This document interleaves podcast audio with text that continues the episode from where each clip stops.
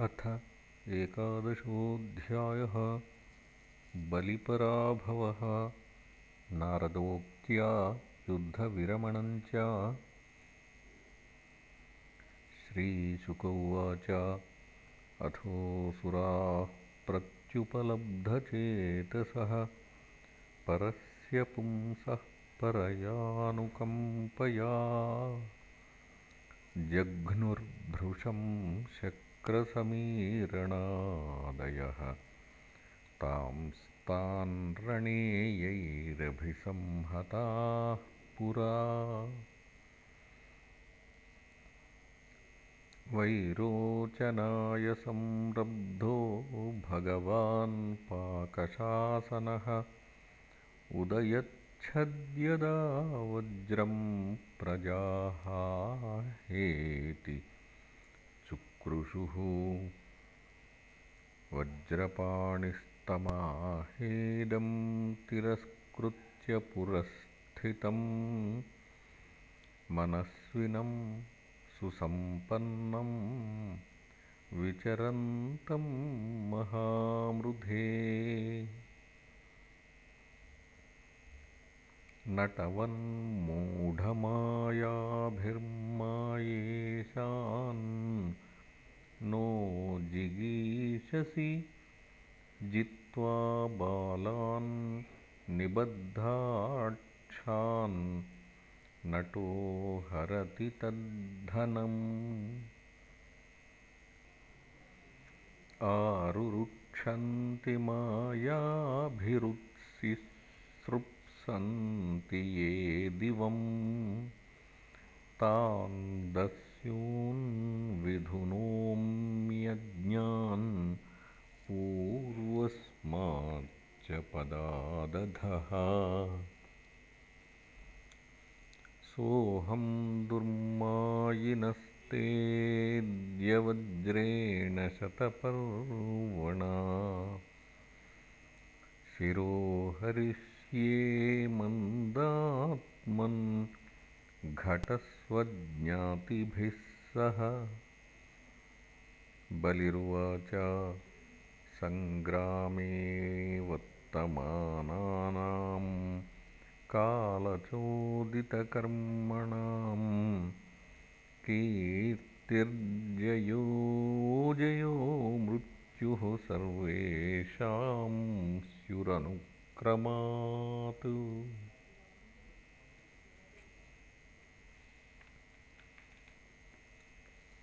तदिदं कालरशनं जनाः पश्यन्ति सूरयः न हृष्यन्ति न शोचन्ति तत्र यूयमपण्डिताः।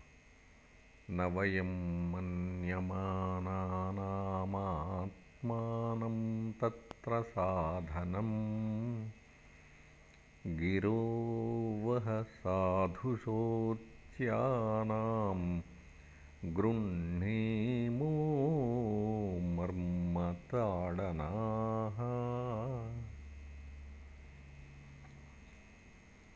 श्रीशुक उवाच। इत्याक्षिप्य विभुं वीरो नाराचैर्वीरमानदः आकर्णपूर्णैरहनदाक्षेपैराहतं पुनः। एवं निराकृतो देवो वैरिणा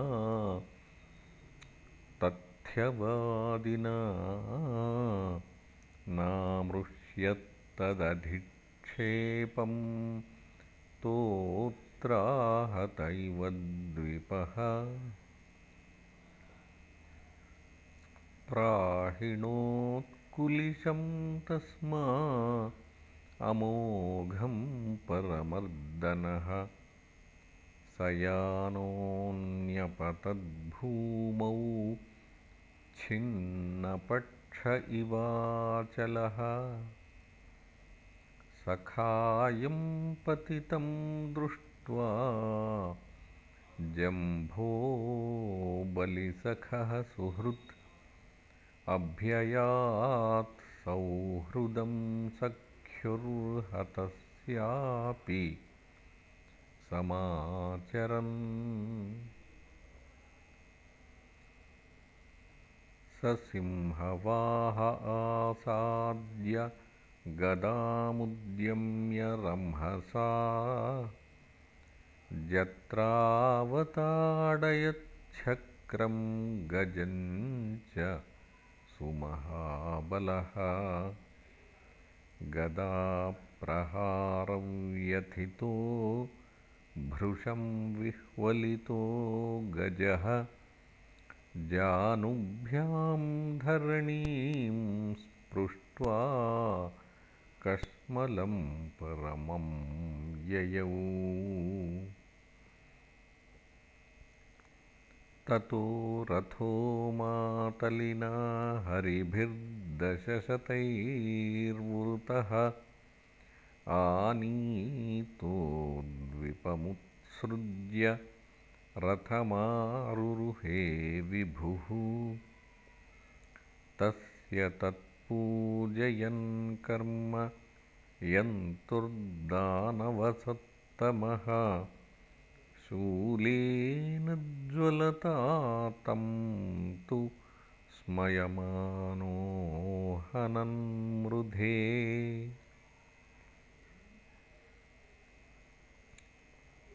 सेहे रुजं सुदुर्मर्शां सत्त्वमालम्ब्यमातलिः इन्द्रो जम्भस्य सङ्क्रुद्धो वज्रेणापाहरच्छिरः।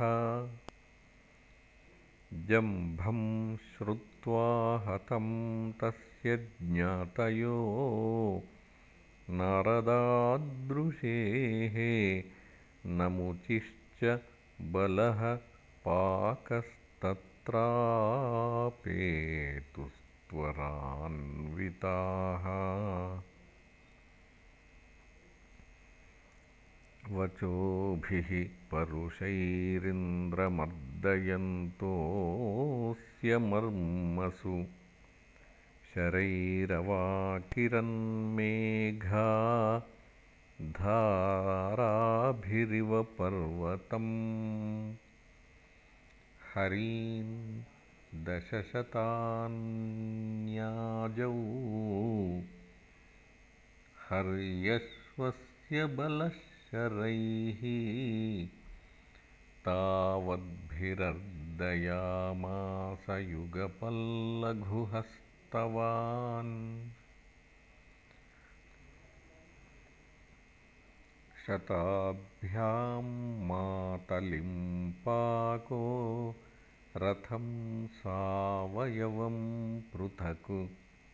सकृत्सन्धानमोक्षेण तदद्भुतमभूद्रणे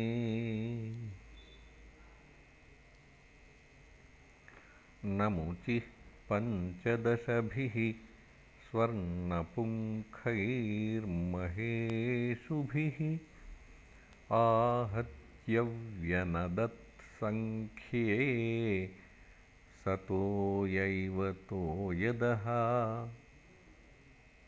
सर्वतः शरकूटेन शक्रं सरथसारथिं छादयामासुरसुराः प्रावृत्सूर्यमिवाम्बुदाः।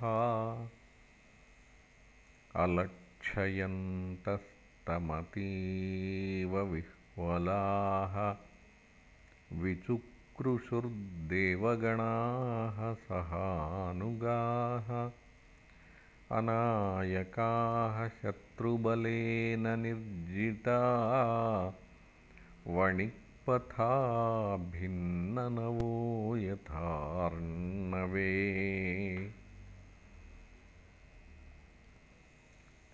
ततस्तुराषाढिषु बद्धपञ्जरात् विनिर्गतः साश्वरथध्वजाग्रणीः बभौ दिशः खं पृथिवीं च रोचयन् स्वतेजसा सूर्यैव क्षपात्यये। निरीक्ष्यपृतनां देवः परैरभ्यर्दितां रणे। उदयच्छद्रिपुं हन्तुं वज्रं वज्रधरो रुषा।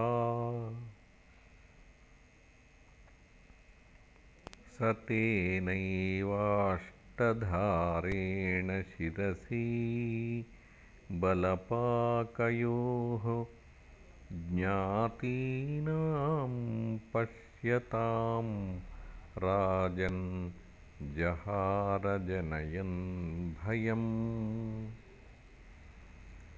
नमुचिस्तद्वधं दृष्ट्वा शोकामर्षरुषान्वितः जिघांसुरिन्द्रं नृपते चकारपरमोद्यमम्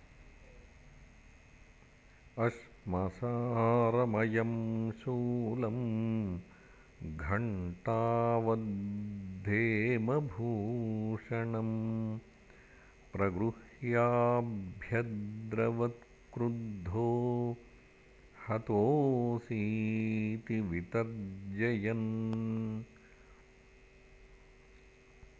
प्राहिणोद्देवराजाय विनदन् मृगराडिव तदापतद्गगनतले महाजवं विचिच्छिदे हरिरिषुभिः सहस्रधा तमाहनन् नृपकुलिशेन कन्धरे रुषान्वितस्त्रिदशपतिः शिरोहरन् न तस्य हि त्वचमपि वज्र ऊर्जितो बिभेदयः सुरपतिनौजसेरितः तदद्भुतं परमतिवीर्यवृत्रभित् तिरस्कृतो नमुचिशिरोधरत्वचा तस्मादिन्द्रोऽभिभेच्छत्रोर्वज्रः प्रतिहतो यतः। किमिदं दैवयोगेन भूतं लोकविमोहनम् येन मे पूर्वमद्रीणां पक्षच्छेदः प्रजात् कृतो निविशतां भारैः पतत्रैः पततां भुवि। तपःसारमयं त्वाष्ट्रं वृत्रो येन विपाटितः। अन्ये चापि बलोपेताः सर्वास्त्रैरक्षतत्वचः सोऽयं प्रतिहतो वज्रो मया मुक्तोऽसुरेल्पके नाहं तदा ददे दण्डं। ब्रह्मतेजोऽप्यकारणम् इति शक्रं विषीदन्तमाहवागशरीरिणी नायं शुष्कैरथो नार्द्रैर्वधमर्हति दानवः। मयास्मै यद्वरो दत्तो मृत्युर्नैवार्द्रशुष्कयोः। अतोऽन्यश्चिन्तनीयस्त उपायो मघवन्रिपोः तां दैवीं गिरमाकर्ण्य मघवान् सुसमाहितः। ध्यायन् फेनमथापश्यदुपायमुभयात्मकम्। न शुष्केण न चार्द्रेण जहारनमुचे शिरः तं तुष्टुर्मुनिगणा माल्यैश्चावाकिरन्विभुम् गन्धर्वमुख्यौ जगतुर्विश्वावसुपरावसु देवदुन्दुभयो नेदुर्नर्तक्यो नृतुर्मुदा अन्येऽप्येवं प्रतिद्वन्द्वान् वायुवग्निवरुणादयः सूदयामासुरस्त्रौघैः मृगान् केसरिणो यथा। ब्रह्मणा प्रेषितो देवान् देवर्षिर्नारदो नृप वारयामास विबुधान् दृष्ट्वा दानवसंक्षयम्। नारद उवाच भवद्भिरमृतं प्राप्तं नारायणभुजाश्रयैः श्रिया समेधिताः सर्वौपारमतविग्रहात् श्रीशुक उवाच संयम्यमन्युसंरम्भं मानयन्तो मुनेर्वचः उपगीयमानानुचरैर्ययुः सर्वे त्रिविष्टपम्। ये वसिष्ठारणे तस्मिन्नारदानुमतेन ते बलिं विपन्नमादाय अस्तं गिरिमुपागमन् तत्राविनष्टावयवान् विद्यमानशिरोधरान् उशनाज्जीवयामास सञ्जीविन्या स्वविद्यया बलिश्चोशनसा